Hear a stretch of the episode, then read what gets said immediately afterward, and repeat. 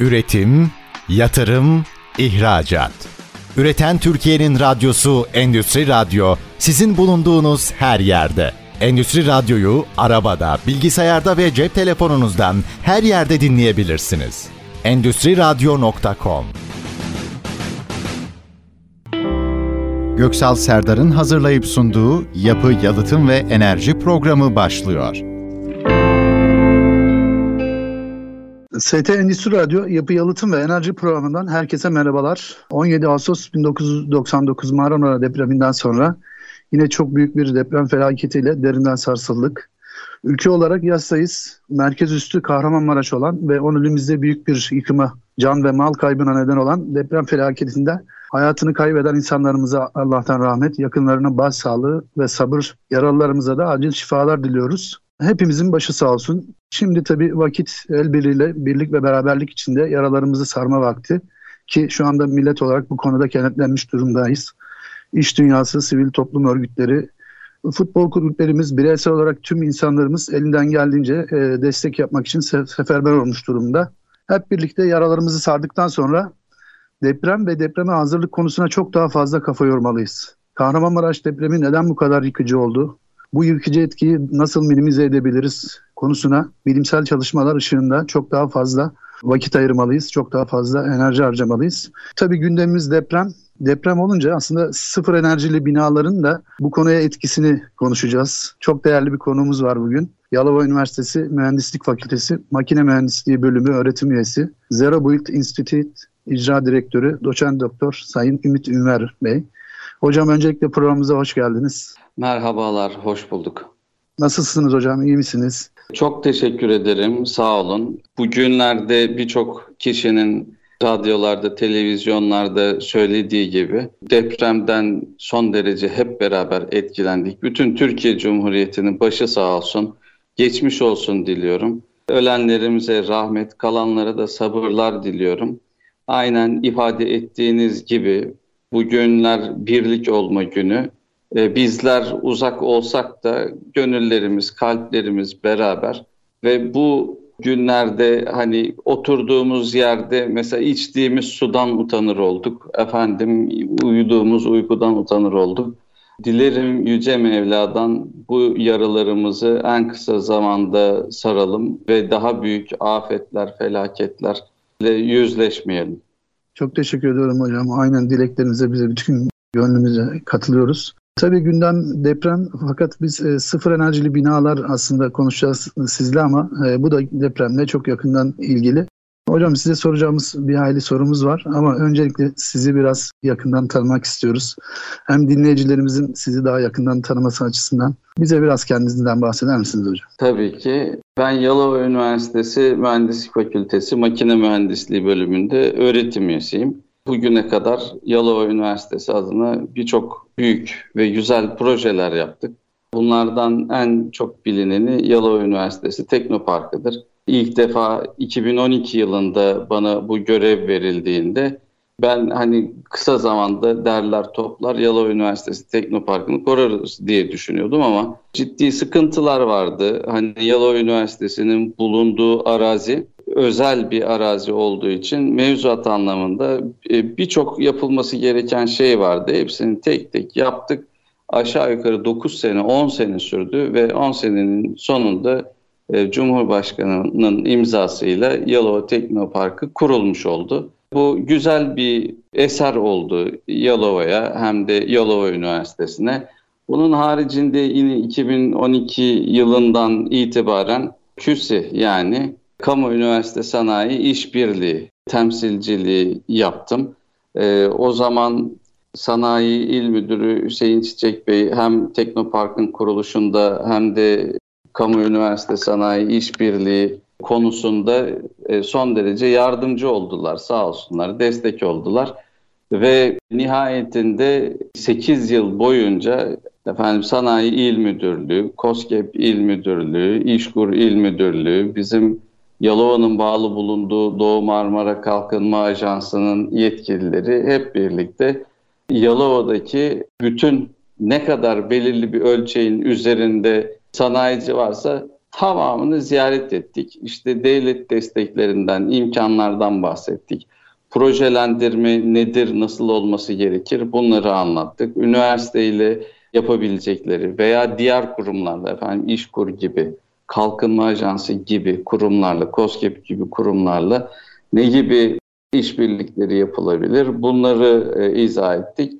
E, ve orada da çok güzel çalışmalar yaptık. En azından sanayicimizin orada bir üniversite olduğunu işte ve bu üniversitede kendilerine yardıma hazır akademisyenlerin olduğunu tanıttık. Bir başka projemiz de makine mühendisliği bölümü projesidir. Büyük bir memnuniyetle, gururla söylüyorum. Bu projenin fikir babası benim yani o vizyonu koyan benim. Bizim Yalova'mızda organize sanayi bölgeleri kuruluyor. Bunlardan bir tanesi de İMES Organize Sanayi Bölgesi.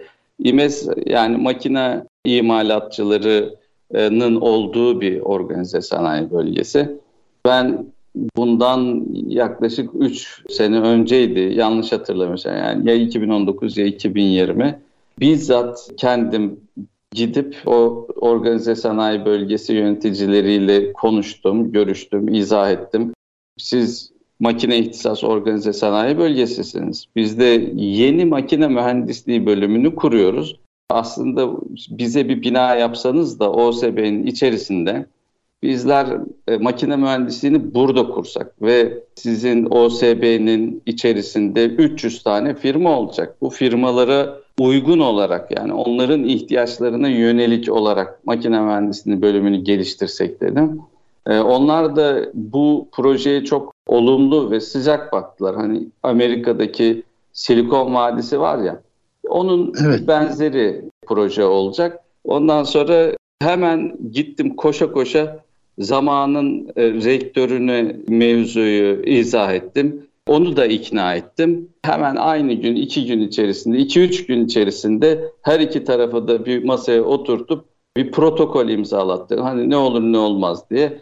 Ondan sonra ve bunu protokole bağladık. Tahmin ediyorum önümüzdeki yıl içerisinde tabii bu hani depremden sonra ne olur onu tam emin olamıyorum ama önümüzdeki yıl içerisinde Yalova İMES Organize Sanayi Bölgesi'nin içerisinde makine mühendisliği bölümü binası yapılmış olur. Bizler de orada eğitimi, öğretimi başlamış oluruz diye ümit ediyorum. Bunun haricinde sizin de az önce bahsettiğiniz gibi Zero Build Institute'un icra direktörüyüm ve şu an yeni yani çok yeni yayınına başladığımız bilimsel bir dergi olan Zero Build Journal'ın da şef editörüyüm.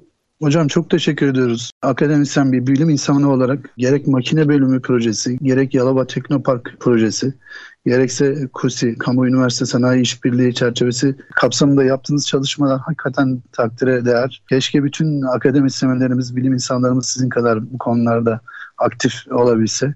Ben bu anlamda size çok teşekkür ediyorum. Bu kadar güzel e, ülke adına faydalı çalışmalar yaptığınız için. Şu an Çek Cumhuriyeti'nde olduğunuzu biliyorum. Oradaki e, görevinizi de, e, oradaki davet davetinizi ve yaptığınız çalışmaları da konuşacağız ama hocam. Ben bu manada şunu sormak istiyorum. Bütün bu projeleri geliştirirken temel olarak karşılaştığınız en önemli güçlükler, zorluklar neler? Yani buradaki bu zorlukları aşma noktasında nasıl daha proaktif davranılabilir? Nasıl devlet yönetimi, bürokrasi vesaire anlamında ya da iş adamlarıyla, iş dünyasıyla daha nasıl organize olunabilir diye bir, birkaç tespitinizi rica etsem hocam. Hay hay bu çok güzel bir soru. Teşekkür ederim.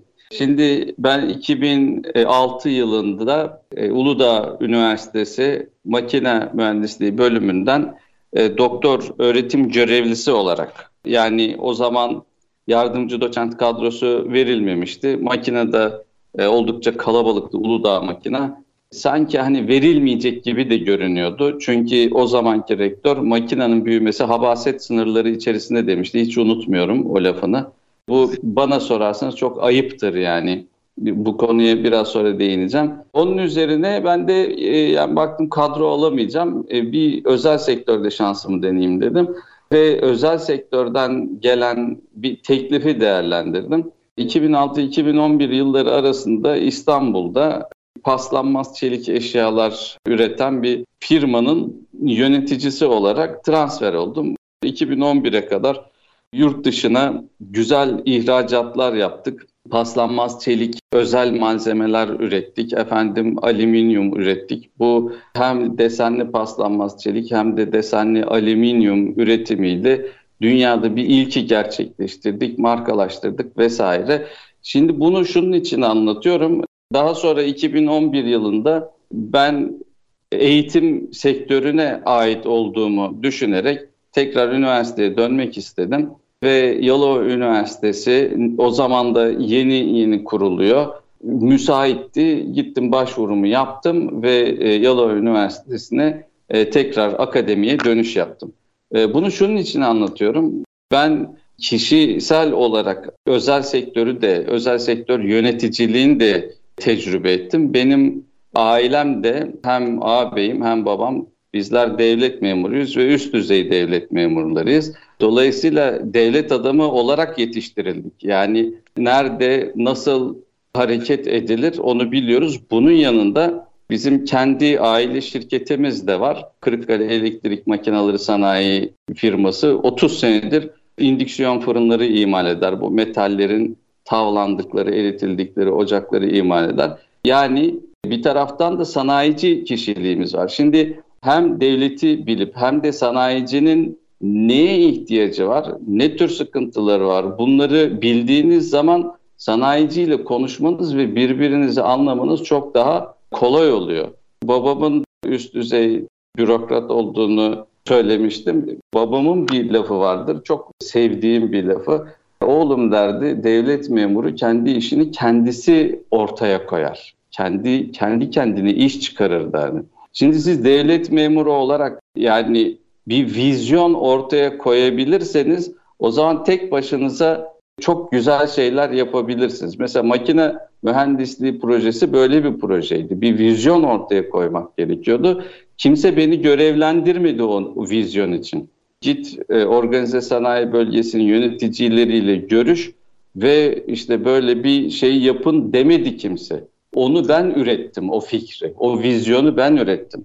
Dolayısıyla e, kendi imkanlarımı kullanarak e, yöneticilere gittim. Hatta şöyle söyleyeyim, biraz böyle sohbet daha yumuşak havada olsun diye söylüyorum. Beyefendiyi kolundan tuttum, zorla yemeğe götürdüm. Bunu da kendi cebimden karşıladım. Şimdi bana kalırsa bir devlet memurunun böyle olması gerekir. Çünkü bir vizyon var ortada. 300 tane fabrikanın ortasında kurulacak makine mühendisliği bölümü ve bu daha önce denendi. Amerika'da Silikon Vadisi'nde denendi. Çok güzel sonuçlar alındı.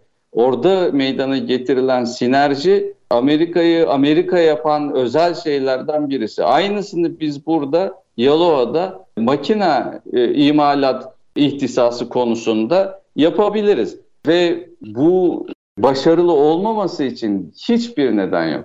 E, dolayısıyla ben özellikle genç arkadaşlarıma önce vizyon sahibi olmalarını, ikinci olarak da asla vazgeçmemelerini öneriyorum. Yani bir hedef tespit ettikten sonra hemen hatırlatayım size. Atatürk Yüce Önder, Ulu Önder Atatürk'ün çok güzel veciz bir sözüdür bu.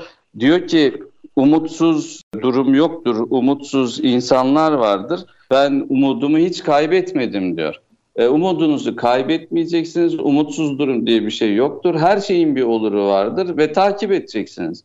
Bakın Yalova Üniversitesi Teknoparkı 9 sene sürdü. Ama hiçbir zaman benim masamın üzerinde bir evrak iki gün durmadı. Uzun sürdü biliyorum evet ama mesela belediyede işte imar durumunun değişmesi gerekiyor. Onun için de yeni haritanın hazırlanması, efendim ilana çıkılması, şu kadar süre ilanda kalması gerekiyor. Hani iş yapı olarak, anatomik olarak uzun süren bir iş ve bunun takip edilmesi gerekiyor. Tek yapılması gereken takip etmek. Onu e, düzgün bir şekilde takip ettikten sonra başarılı olmamak için e, hiçbir sebep yok. Bir de biz hani sistem kurucuyuz. Bizim işimiz bu sistem kurmak. Sistem kurucuların en önemli özelliği de bu tür takipleri gayet düzgün yaparlar. Böyle geri beslemeli şekilde yaparlar. Düzgün bir de ekip kurduğunuz zaman çok güzel işlere imza atabilirsiniz. Ümit Hocam çok teşekkür ediyorum. Hocam şu an Çek Cumhuriyeti'nde olduğunuzu biliyorum.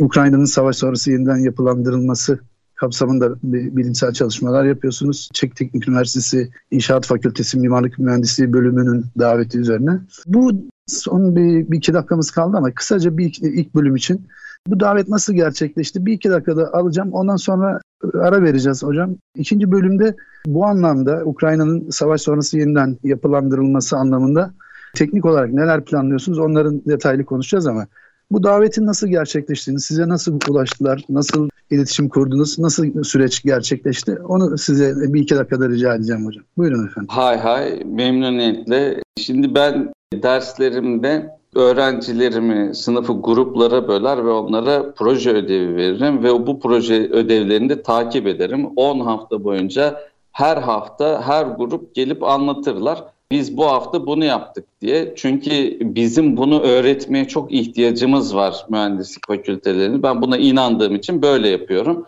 Bu projelerden birisinde çok sevgili kızım, öğrencim Ayşegül Bahadıroğlu işte Kanada'nın yeşil bina değerlendirme sistemi aslında sürdürülebilir bina değerlendirme sistemini inceleyecekti. Dedi ki hocam bunu yapan insanlarla bu değerlendirme sistemini üreten insanlarla görüşelim mi?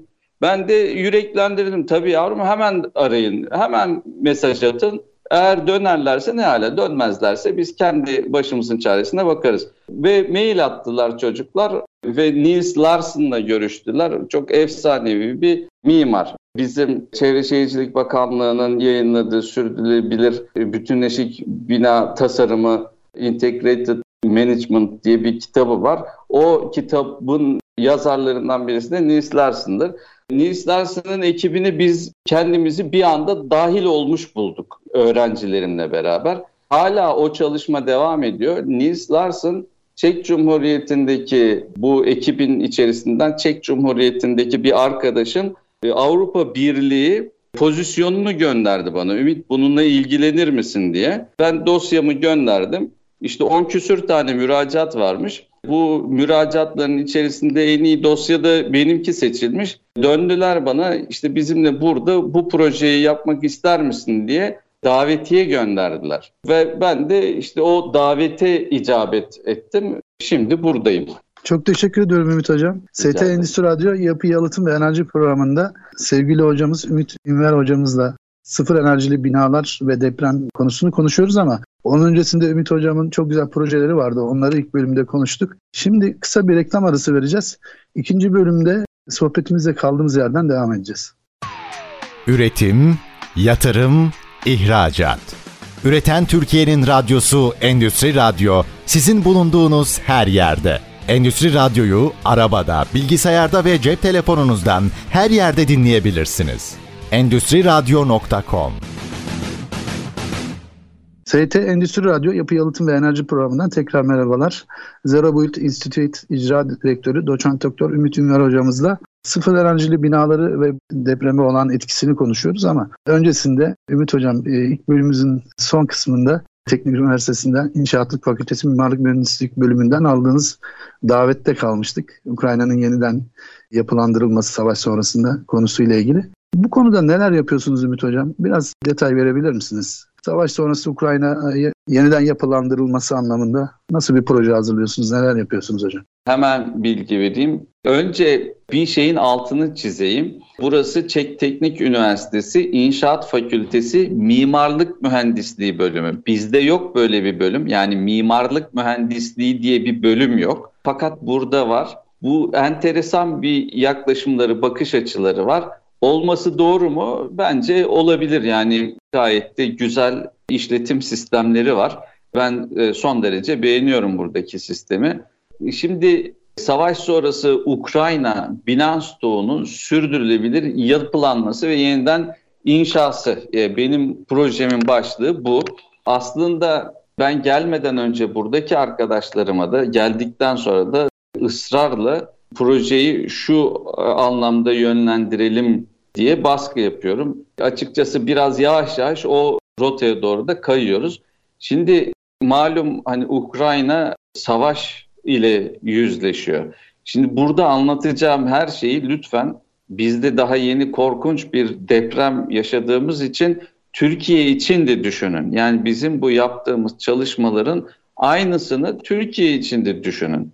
Şimdi Ukrayna malum savaşıyor ve yani bu savaş ilayine bitecek kısmetse en kısa zamanda biter ümit ederim. Hepimiz tabii savaşın olmamasını, savaşların olmamasını istiyoruz. Ama maalesef böyle şeyler yaşanıyor dünyada. Şimdi savaş bittikten sonra Ukrayna'nın en önemli ihtiyacı ne olacak? Tabii doğal olarak kaynak, para yani finansal kaynak. Bu kaynakta kimlerde var? Ee, Avrupa Birliği'nde var, Dünya Bankası'nda var. Yani bu tür kurumlarda var. Ben diyorum ki biz bir enstitü kuralım. Biz işte Zero Build Institute olarak bu işin bir ucunda duralım. Bir ucu Çek Teknik Üniversitesi olsun. Diğer üniversiteleri de davet edelim Avrupa'dan. İşte onlar da bir ucundan tutsun. Öbür ucunda yani bu sayıcı ayağının bir tarafı akademisyen üniversiteler, bizler, akademik enstitüler. Öbür tarafında işte Dünya Bankası olsun, e, Avrupa Birliği'nin ilgili e, departmanları, şubeleri olsun. Üçüncü ayak da Ukrayna olsun. Şimdi bunu şunun için söylüyorum. Eğer biz enstitüler olarak yani third party denen bu üçüncü kişi yani müşavirlik, üçüncü taraf müşavirlik hizmetleri olarak araya girersek ihtiyaç olan yerde mesela işte farz edelim örnek olarak işte e, Ukrayna'nın e, Lviv bölgesi. Bu bölgedeki işte üç tane okul ihtiyacı var. Bilmem ne kasabasında bir tane kindergarten dedikleri e, okul öncesi, e, bir tane e, ilk ve orta dereceli okul, bir tane de lise ihtiyacı var. Şimdi bu ihtiyaçları göre biz enstitü olarak fon kuruluşlarına tam ihtiyacın ne olduğunu yani fonlama ihtiyacının ne olduğunu bildirebiliriz. Ve fon sağlayan kurumlardan yapılan aktarımları da doğru yere ulaştığından emin olabiliriz. E, hatırlarsanız bundan birkaç hafta önce Ukrayna'da devlet başkanı birçok bakanları görevden aldı ve sebep gerekçe olarak da yolsuzluğu gösterdiler. Yani savaşın ortasında hem de. Yani dolayısıyla benim aslında teklif ettiğim bu müşavirlik hizmetleri veren bir enstitünün destek olmasının ne kadar önemli bir şey olduğu, yani ne kadar haklı bir vizyon olduğu ortaya çıkıyor. Yani bu hem Ukrayna'yı koruyacak, yani Ukrayna halkını koruyacak, kimden koruyacak? Yolsuz yöneticiden koruyacak. Hem fonlayan işte Avrupa Birliği gibi, Dünya Bankası gibi kurumları koruyacak onu da işte dolandırıcılardan veya art niyetli insanlardan koruyacak. Böylece yeniden yapılandırmanın son derece hızlı olmasını sağlayacak. Şimdi biz burada e, yaptığımız çalışmalarda kademeli bir yapılandırma öneriyoruz. Yani üç boyutlu bir önerimiz var. Yeniden yapılandırma çalışması. Birinci boyut bina tipolojisine göre farklı farklı e, hedefler tespit edilmeli diyoruz. İkinci boyut mesela bina tipolojisine şöyle açıklayayım. Mesela hastane binası ihtiyaçları veya yeniden yapılandırmasıyla eğitim binası aynı olmaz. Veya efendim okul binasıyla konut aynı olmaz. Dolayısıyla her binanın tipolojisini tipine göre değişik ihtiyaçları vardır. Dolayısıyla değişik dizayn gerektirir. Ona uygun şekilde dizayn edilmesini öneriyoruz. İkinci boyut binaların modüler inşa edilecek şekilde tasarlanması. Yani bu şu anlama geliyor. Bir bina yapacaksınız diyelim. Farz edelim ki işte okul ihtiyacınız var. Hemen derhal kapalı bir alan oluşturup mesela bir ay içerisinde, bir hafta içerisinde kapalı bir alan oluşturup çocukları derhal o eğitime başlatma modülü yani asgari ihtiyaç modülü birinci modül olacak. Ondan sonra enerji verimliliğini artırmak üzere farz edelim işte dış cephe uygulamaları modülü daha sonra da sıfır enerji binaya geçişi kolaylaştırmak üzere sızdırmazlık modülü daha sonra en sonunda enerji ihtiyacını karşılamak üzere yenilenebilir enerji modülü mesela hani adım adım inşa edilecek. Binanın tek biri birden 21. yüzyıla uygun efendim şöyle modern böyle dijital bir bina yaptık denmeyecek. Adım adım tek tek e, modül modül inşa edilecek. Üçüncü boyutta ise lokasyon yani iklimine göre tasarlama. takdir edersiniz. Bizim mesela Türkiye'de Antalya'nın iklimi oldukça sıcak bir iklimdir. Erzurum'un iklimi de oldukça soğuk bir iklimdir. Ama Antalya yazın sıcak, Erzurum'da kışın soğuk olur. Dolayısıyla lokasyonuna göre hani birisini sıcağa göre uygun dizayn etme, birisinde soğuğa göre uygun dizayn etme. Ama yapılan dizaynların eksi 60 artı 60 derece arasında olması hani bu sıcaklık değişimlerine o uygun doğru cevap verebilecek kapasite ve nitelikte olmasını öneriyoruz. Efendim yerel ekonomi oluşturulacak şekilde derhal bir yapılanma. Yani hemen orada bir ekonomik faaliyet başlamalı. Mesela hemen fırınlar çalışmaya başlamalı. Mesela hemen terziler çalışmaya başlamalı. Hemen doktorlar, eczacılar çalışmaya başlamalı. Eğitim başlamalı. Eğitim şundan dolayı önemli. Eğitim varsa çocuk var demektir. Çocuk varsa aile vardır. Aile varsa orada hayat sürdürülebilir bir hale getirilebilir demektir. Dolayısıyla işte bu ekonomiyi oluşturacak derhal yeniden yapılanma gerekir ve yapılan bütün dizaynların, tasarıların yerel malzemelerle yapılmasını öneriyoruz. Yani işte efendim burada böyle bir bina tasarladık. Binamızın içini işte farz edelim Mısır'dan Nil deltasından gelen mermerle kaplayacağız. Şimdi bu son derece e, saçma sapan bir şey olur. Yani oradan oraya bir inşaat malzemesinin götürülmesi ne sürdürülebilirlik açısından uygundur ne mimari açıdan uygundur. En güzeli mesela ben Prag'da yaşıyorum şu anda ve burada e, insanların hani masal kenti diye çok beğenerek böyle bayıla bayıla baktıkları bu şehrin en önemli özelliği nedir biliyor musunuz? Burada kendine göre bir mimari var. Yani üç katlı bir yapılanma var, dört katlı yapılanma var ve bu mimari hep birbirine benziyor. Dolayısıyla kışın mesela şu anda dışarıda hava eksi 8 derece, eksi 6 derece civarı. Kışın da baktığınız zaman son derece güzel bir görüntü, yazın da baktığınız zaman son derece güzel estetik bir görüntü oluyor. Bunu sağlamak için yerel malzemeyle yani Prag ve civarı bizim mesela deprem bölgemiz için konuşacak olursak deprem bölgesi ve civarında üretilen malzemeler neyse bununla tasarlamak gerekir. Biz mesela Ukrayna'da işte inceledik, araştırdık. Oradaki yerel kaynaklarla, ham maddelerle üretilen bir takım izolasyon malzemeleri var. Bu malzemelerin kullanılmasını öneriyoruz. Mesela Ukrayna'da onların kullanılmasını öneriyoruz. E, bu şekilde biz Sıfır Enerji Binalar Enstitüsü yani Zero Build Institute olarak İşin bir ucundan tuttuk bu Ukrayna'nın yeniden yapılandırılması için. Elimizden geldiği kadar tabii bu proje burada kalmayacak. Yani savaş bitecek ve Ukrayna yeniden yapılandırılacak. Bu arada ben LinkedIn hesabımdan da e, zaman zaman duyurular yapıyorum. Türk firmalarını Ukrayna'ya yönlendiriyoruz.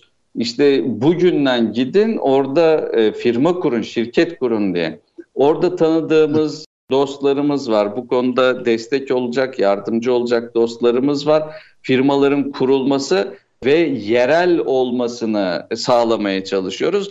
Böylece Ukrayna yeniden yapılanırken e, Türkiye'nin de orada olmasını sağlamaya çalışıyoruz. Yani vatana böyle bir kendi gücümüz nispetinde bir katkı daha sağlamaya çalışıyoruz. Teşekkür ediyorum Ümit Hocam. Siz bunları anlatırken gerçi girişte bahsettiniz hocam. Şimdi bu 10 ilimizdeki deprem sonrası işte bir yıl içerisinde TOKİ ve e, iştirakleri aracılığıyla yeniden bir yapılanma, konutların yenilenmesi, derhal yenisinin yapılması yönünde bir açıklamalar var. Cumhurbaşkanımız tarafından yapıldı.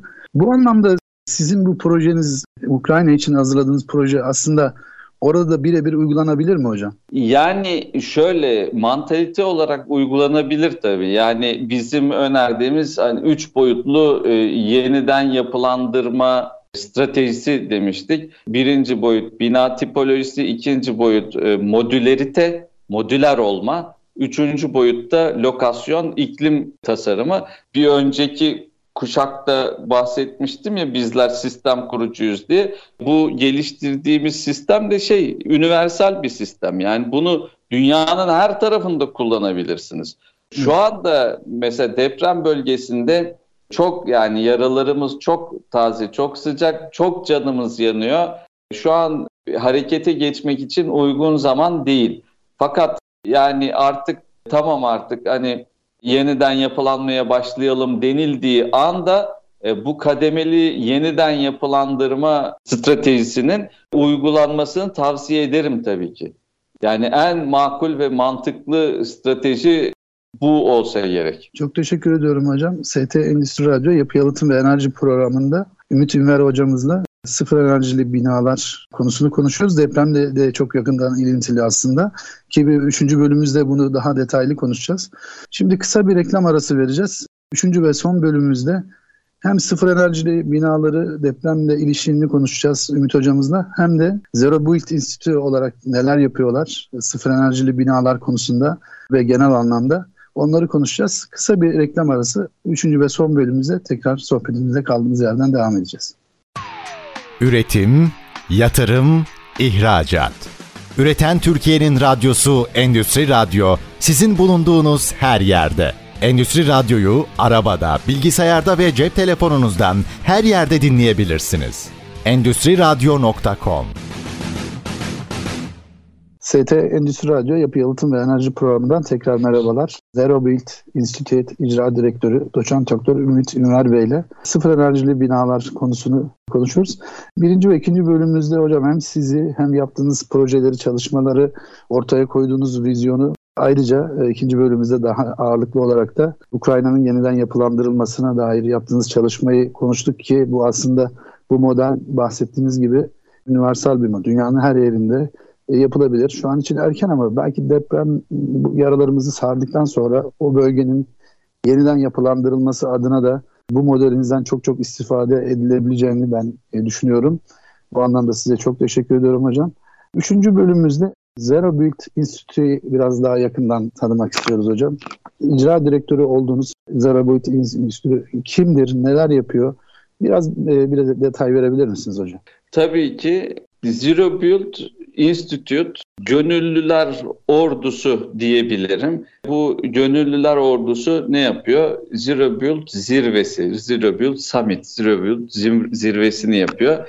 Zero Build zirvesi teknoloji oturumları, networking fırsatları ve odaklanmış sunumlarıyla birlikte sıfır enerji bina işi nasıl yapılacağı hakkında bilgi veren zirvelerdir. Zirveler serisidir.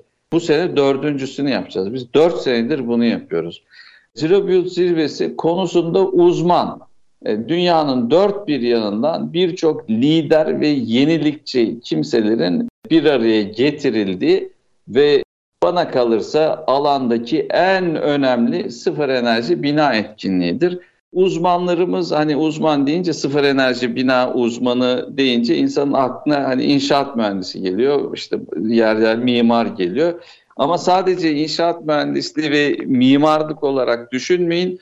Mesela aramızda hukukçu arkadaşlarımız var. Sıfır enerji binaların çok hukuki tarafı var.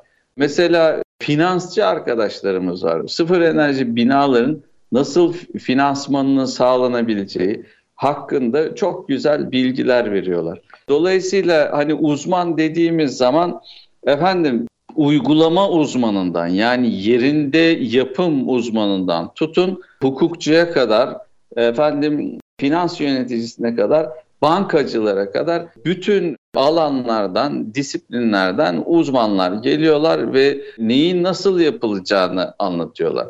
Biz dördüncü Zero Build zirvesine uluslararası sıfır enerji binalar zirvesi olarak 26-29 Nisan tarihleri arasında gerçekleştireceğiz. Kısmetse inşallah.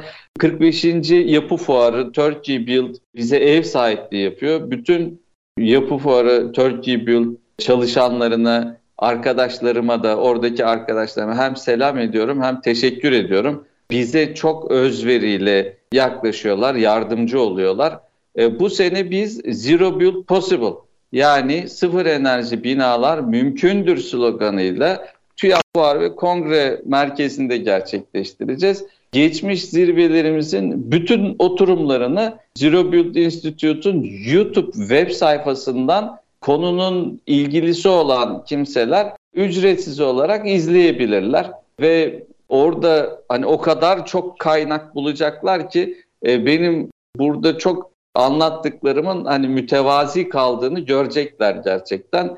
Sadece geçen sene ki o zirvemizle ilgili küçük bir bilgi vereyim. 16 oturum yapmışız. 68 konuşmacımız, uzman kişi konuşmuş.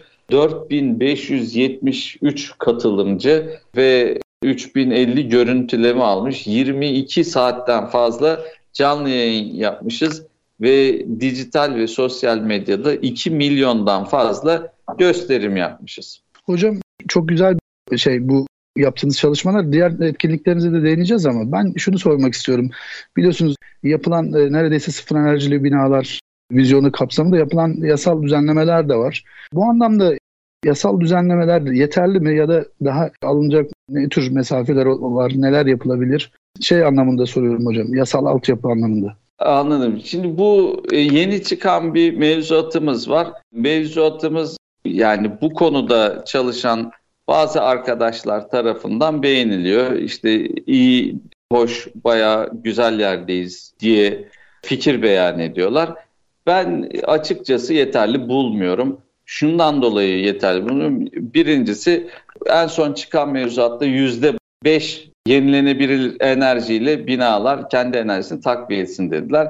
Son derece yetersiz. Yani niye yüzde beş diyoruz? Yani bundan sonra yapılacak binalar yüzde yüz sıfır enerjili bina olsun. Buna göre işte imar izni verilsin diyelim. Yani bu bundan bir şey kaybetmeyiz. Bu bize kazandırır. Yani şöyle evet. düşünün. Şimdi sizin bir aracınız var.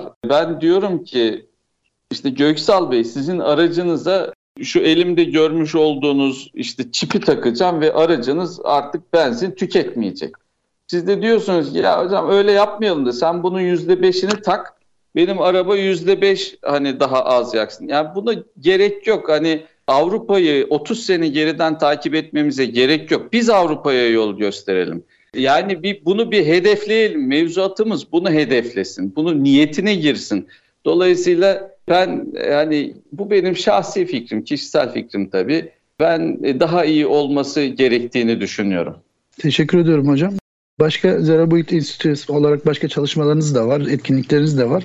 Biraz daha onlardan bahsedebilir miyiz hocam?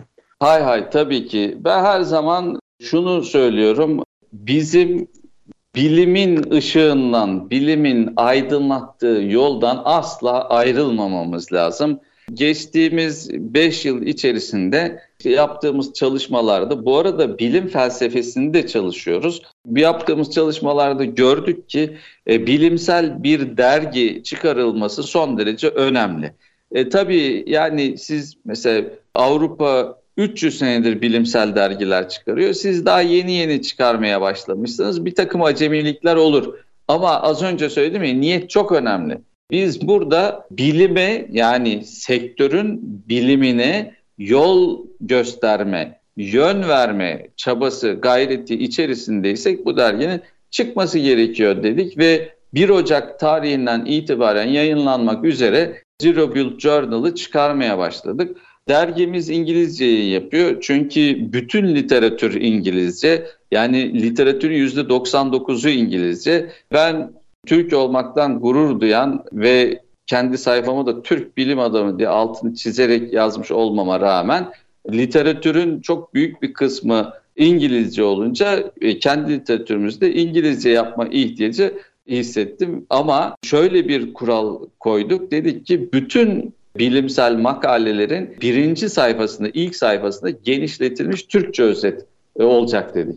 Böylece işte her hangi üniversiteden veya ha, dünyanın hangi ülkesinden geliyor olursa olsun sektöre yön gösteren, işte sektöre vizyon koyabilen yayınların bir e, Türkçe özeti olacak ve hani onları da davet ediyoruz. Dünyanın her tarafından bilim insanları yaptıkları yenilikleri bizim dergimizde anlatsınlar diyoruz. Dolayısıyla onlardan da işte çalışmaların Türkçe çevirerek hani bu Türkçe çevirme konusunda biz destek oluyoruz tabii ki. Kendi yerli bilim camiamızda da katkı sağlıyoruz. Seneye inşallah Zero Build Kongresi'nde, bilimsel kongresini de yapmaya başlayacağız. Yine planlarımız arasında önümüzdeki sene Zero Build School var. Bu işin hani biz bilgilendirme ayağını 4 senedir e, yapıyoruz ve bütün sunumlarımızı, oturumlarımızı YouTube'da da yayınlıyoruz. Orada geniş bir şekilde dileyen herkes e, ücretsiz olarak faydalanıyor. Ama bir de bunu hani okul tabanına dökersek hem bir taraftan sıfır enerji bina dizaynı, efendim pasif kısmıyla pasif bina dizaynı kısmından tutun yenilenebilir enerji dizaynı kısmına kadar mühendislerin, mimarların veya ilgililerin eğitim alabileceği bir okulu başlatmayı planlıyoruz önümüzdeki sene. Hocam çok güzel çalışmalar. Sizi tebrik ediyoruz. Sizin şahsınızda esasında Zera Boyut Enstitü'yü tebrik ediyoruz. Tabii gündemimiz deprem maalesef. Bu anlamda sıfır enerji binaların deprem konusuna etkisini de sizden öğrenmek isteriz hocam. Bu konuda da bizi aydınlatır mısınız lütfen? Hay hay. Şimdi sıfır enerji binaların e, depreme etkisi katkısı nedir? Ona bir bakalım ama ondan önce bir iki küçük istatistik bilgisi vereyim. Ülkemizin yapı stoğu 23 milyon binadan oluşuyor. Bina sektörü de dünya genelinde enerji tüketiminin %30'u, elektrik tüketiminin %50'si, karbondioksit üretiminin %33'ü ve su kaynakları tüketiminin %25'inden sorumlu olarak gösteriliyor. Şimdi ülkemizde yani Türkiye'de bu kadar binada tüketilen enerji yani 23 milyon binada tüketilen enerji 2021 yılında 36 milyar dolar olarak tespit edilmiş ve bu ithal enerjiden harcanmış. 36 milyar dolar ithalat yapmışız yani. Şimdi 36 milyar dolar ne ediyor? 720 e, milyar Türk lirası aşağı yukarı. 720 milyar aşağı yukarı yani günde 2 milyar TL şimdi bütün binalarda harcanıyor. Peki o bütün binalar sıfır enerji olsa ne olur? Hepsi cebimizde kalır. Bravo aynen öyle.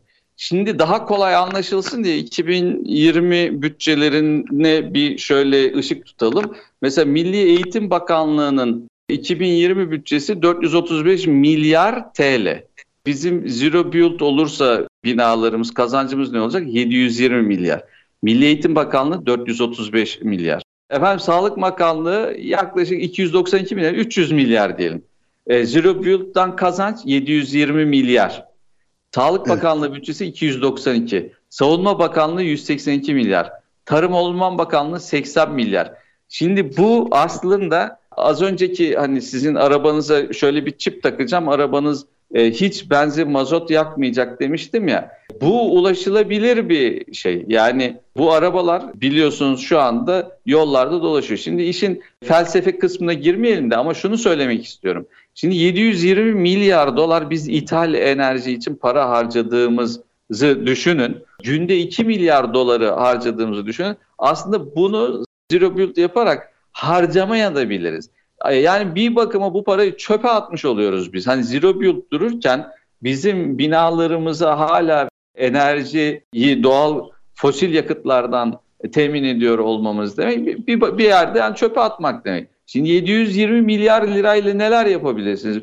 1998'de Bursa Ova Akça Kombine Çevrim Santrali yapıldı. Doğalgaz santrali. 512 milyon dolara mal oldu. Şimdi binalarda harcanan ithal enerjinin şeyi neydi? 36 milyar dolar. Bak 36 milyar dolar. Ovakça santrali 512 milyar yani 0.5 milyar dolar Ovakça santrali. Atatürk Barajı var ya 2400 megawatt Şanlıurfa Tüneli ile birlikte 4 milyar dolara mal oldu. Bizim binalar için harcadığımız enerji 36 milyar dolar. Kıyaslayın diye tekrar tekrar söylüyorum rakamları. Şimdi peki bunun depremle ne alakası var? Bir defa bu kadar kaynağı, bu kadar parayı biz ithal ettiğimiz enerjiye vereceğimize binalarımıza ve sürdürülebilir mimari, sürdürülebilir şehirleşme ve sıfır enerji binalar yapacak olursak bugün gördüğümüz o deprem felaketi var ya orada gördüğümüz manzara onun hiçbirisini görmezdik. Neden? Çünkü sıfır enerji binalar bir kere mevzuata uygun yapılır. Sıfır enerji binayı yapan ne mimar, ne inşaat mühendisi, ne makine mühendisi ne de onun müteahhiti deprem mevzuatına uygun olmayan bir binayı sıfır enerji binayı yapmaz. Yani öbür bütün mevzuatlara uyduktan sonra o bina sıfır enerji bina olur. Ve eğer bu binalar sıfır enerji bina yapılacak olursa Bu sıfır enerji binaların her biri kendi başına enerji santralidir. Hem yük olmaz hem katkı sağlar. Hatta uygun tasarlanırsa havadan su üretir. Havadan su üretir. Bulunduğunuz havadan hava var ya soluduğunuz hava evet. onun içerisindeki su buharını yoğuşturarak oradan su üretir. Ve bu milli güvenlik açısından da son derece önemlidir. Ümit Hocam çok teşekkür ediyorum. Hakikaten ufkumuzu inanılmaz açan, inanılmaz bize e, yeni ufuklar açan bir sohbet oldu. Bu sohbetin umarım en kısa sürede tekrarını yapacağız. Çok teşekkür ediyorum. Son sözlerinizi alıp ondan sonra programımızı kapatacağız. Buyurun lütfen hocam. Hay hay. Efendim ben son söz olarak şunları söyleyeyim. Bilimin aydınlattığı yoldan asla Türkiye Cumhuriyeti'nin ayrılmaması gerekiyor. Bir, iki, liyakatli uzmanların yetkilendirilmesi lazım. Liyakat yani layık olanlar yani ehliyetten bahsediyor. Ehil kimse nedir? Bir konuda gerekli eğitimi almış sonra bir imtihanla bu ehliyeti lisanslandırılmış. Nasıl sürücü belgesinde hani ehliyetinde gidip önce kurs alıyorsunuz sonra sınava girip ehliyet alıyorsunuz. Aynı şekilde mesela kaynakçıları da aynı şekilde önce eğitim verilir sonra ehliyet verilir. Kaynak ehliyeti verilir kaynakçının yaptığı yani o eğitimli kimsenin yaptığı kaynaktan da emin olursunuz. Ve bir şey daha çok önemli bir şey. Mühendis eğitimini e, son derece önemsememiz lazım ve akıl, bilim önce ahlak ilkesiyle yeniden yapılandırmayı derhal tasarlamamız, dizayn etmemiz lazım. Teşekkür ederim. Ben çok teşekkür ediyorum Ümit Hocam. Zerabuilt İnstitü İcra Direktörü Doçent Doktor Ümit Ünver hocamızla hakikaten ufkumuzu açan çok keyifli bir sohbet oldu. Çok teşekkür ediyorum Ümit Ümer Hocama. İlginize, alakanıza çok çok teşekkür ediyorum. E, yurt dışındasınız, güzel bir çalışma yapıyorsunuz. Bu kadar yoğun gündeminizin içerisinde bize vakit ayırdınız. Çok çok teşekkür ediyoruz hocam. Ağzınıza ben, sağlık. Ben teşekkür ederim. Sağ olun. İnşallah öbür programda da birlikte olabiliriz. Bu imkanı bana sağladığınız için ben teşekkür ediyorum. Saygılar, hürmetler. Çok teşekkürler hocam. Haftaya farklı bir konu ve konukla tekrar karşınızda olmak üzere. Hoşçakalın.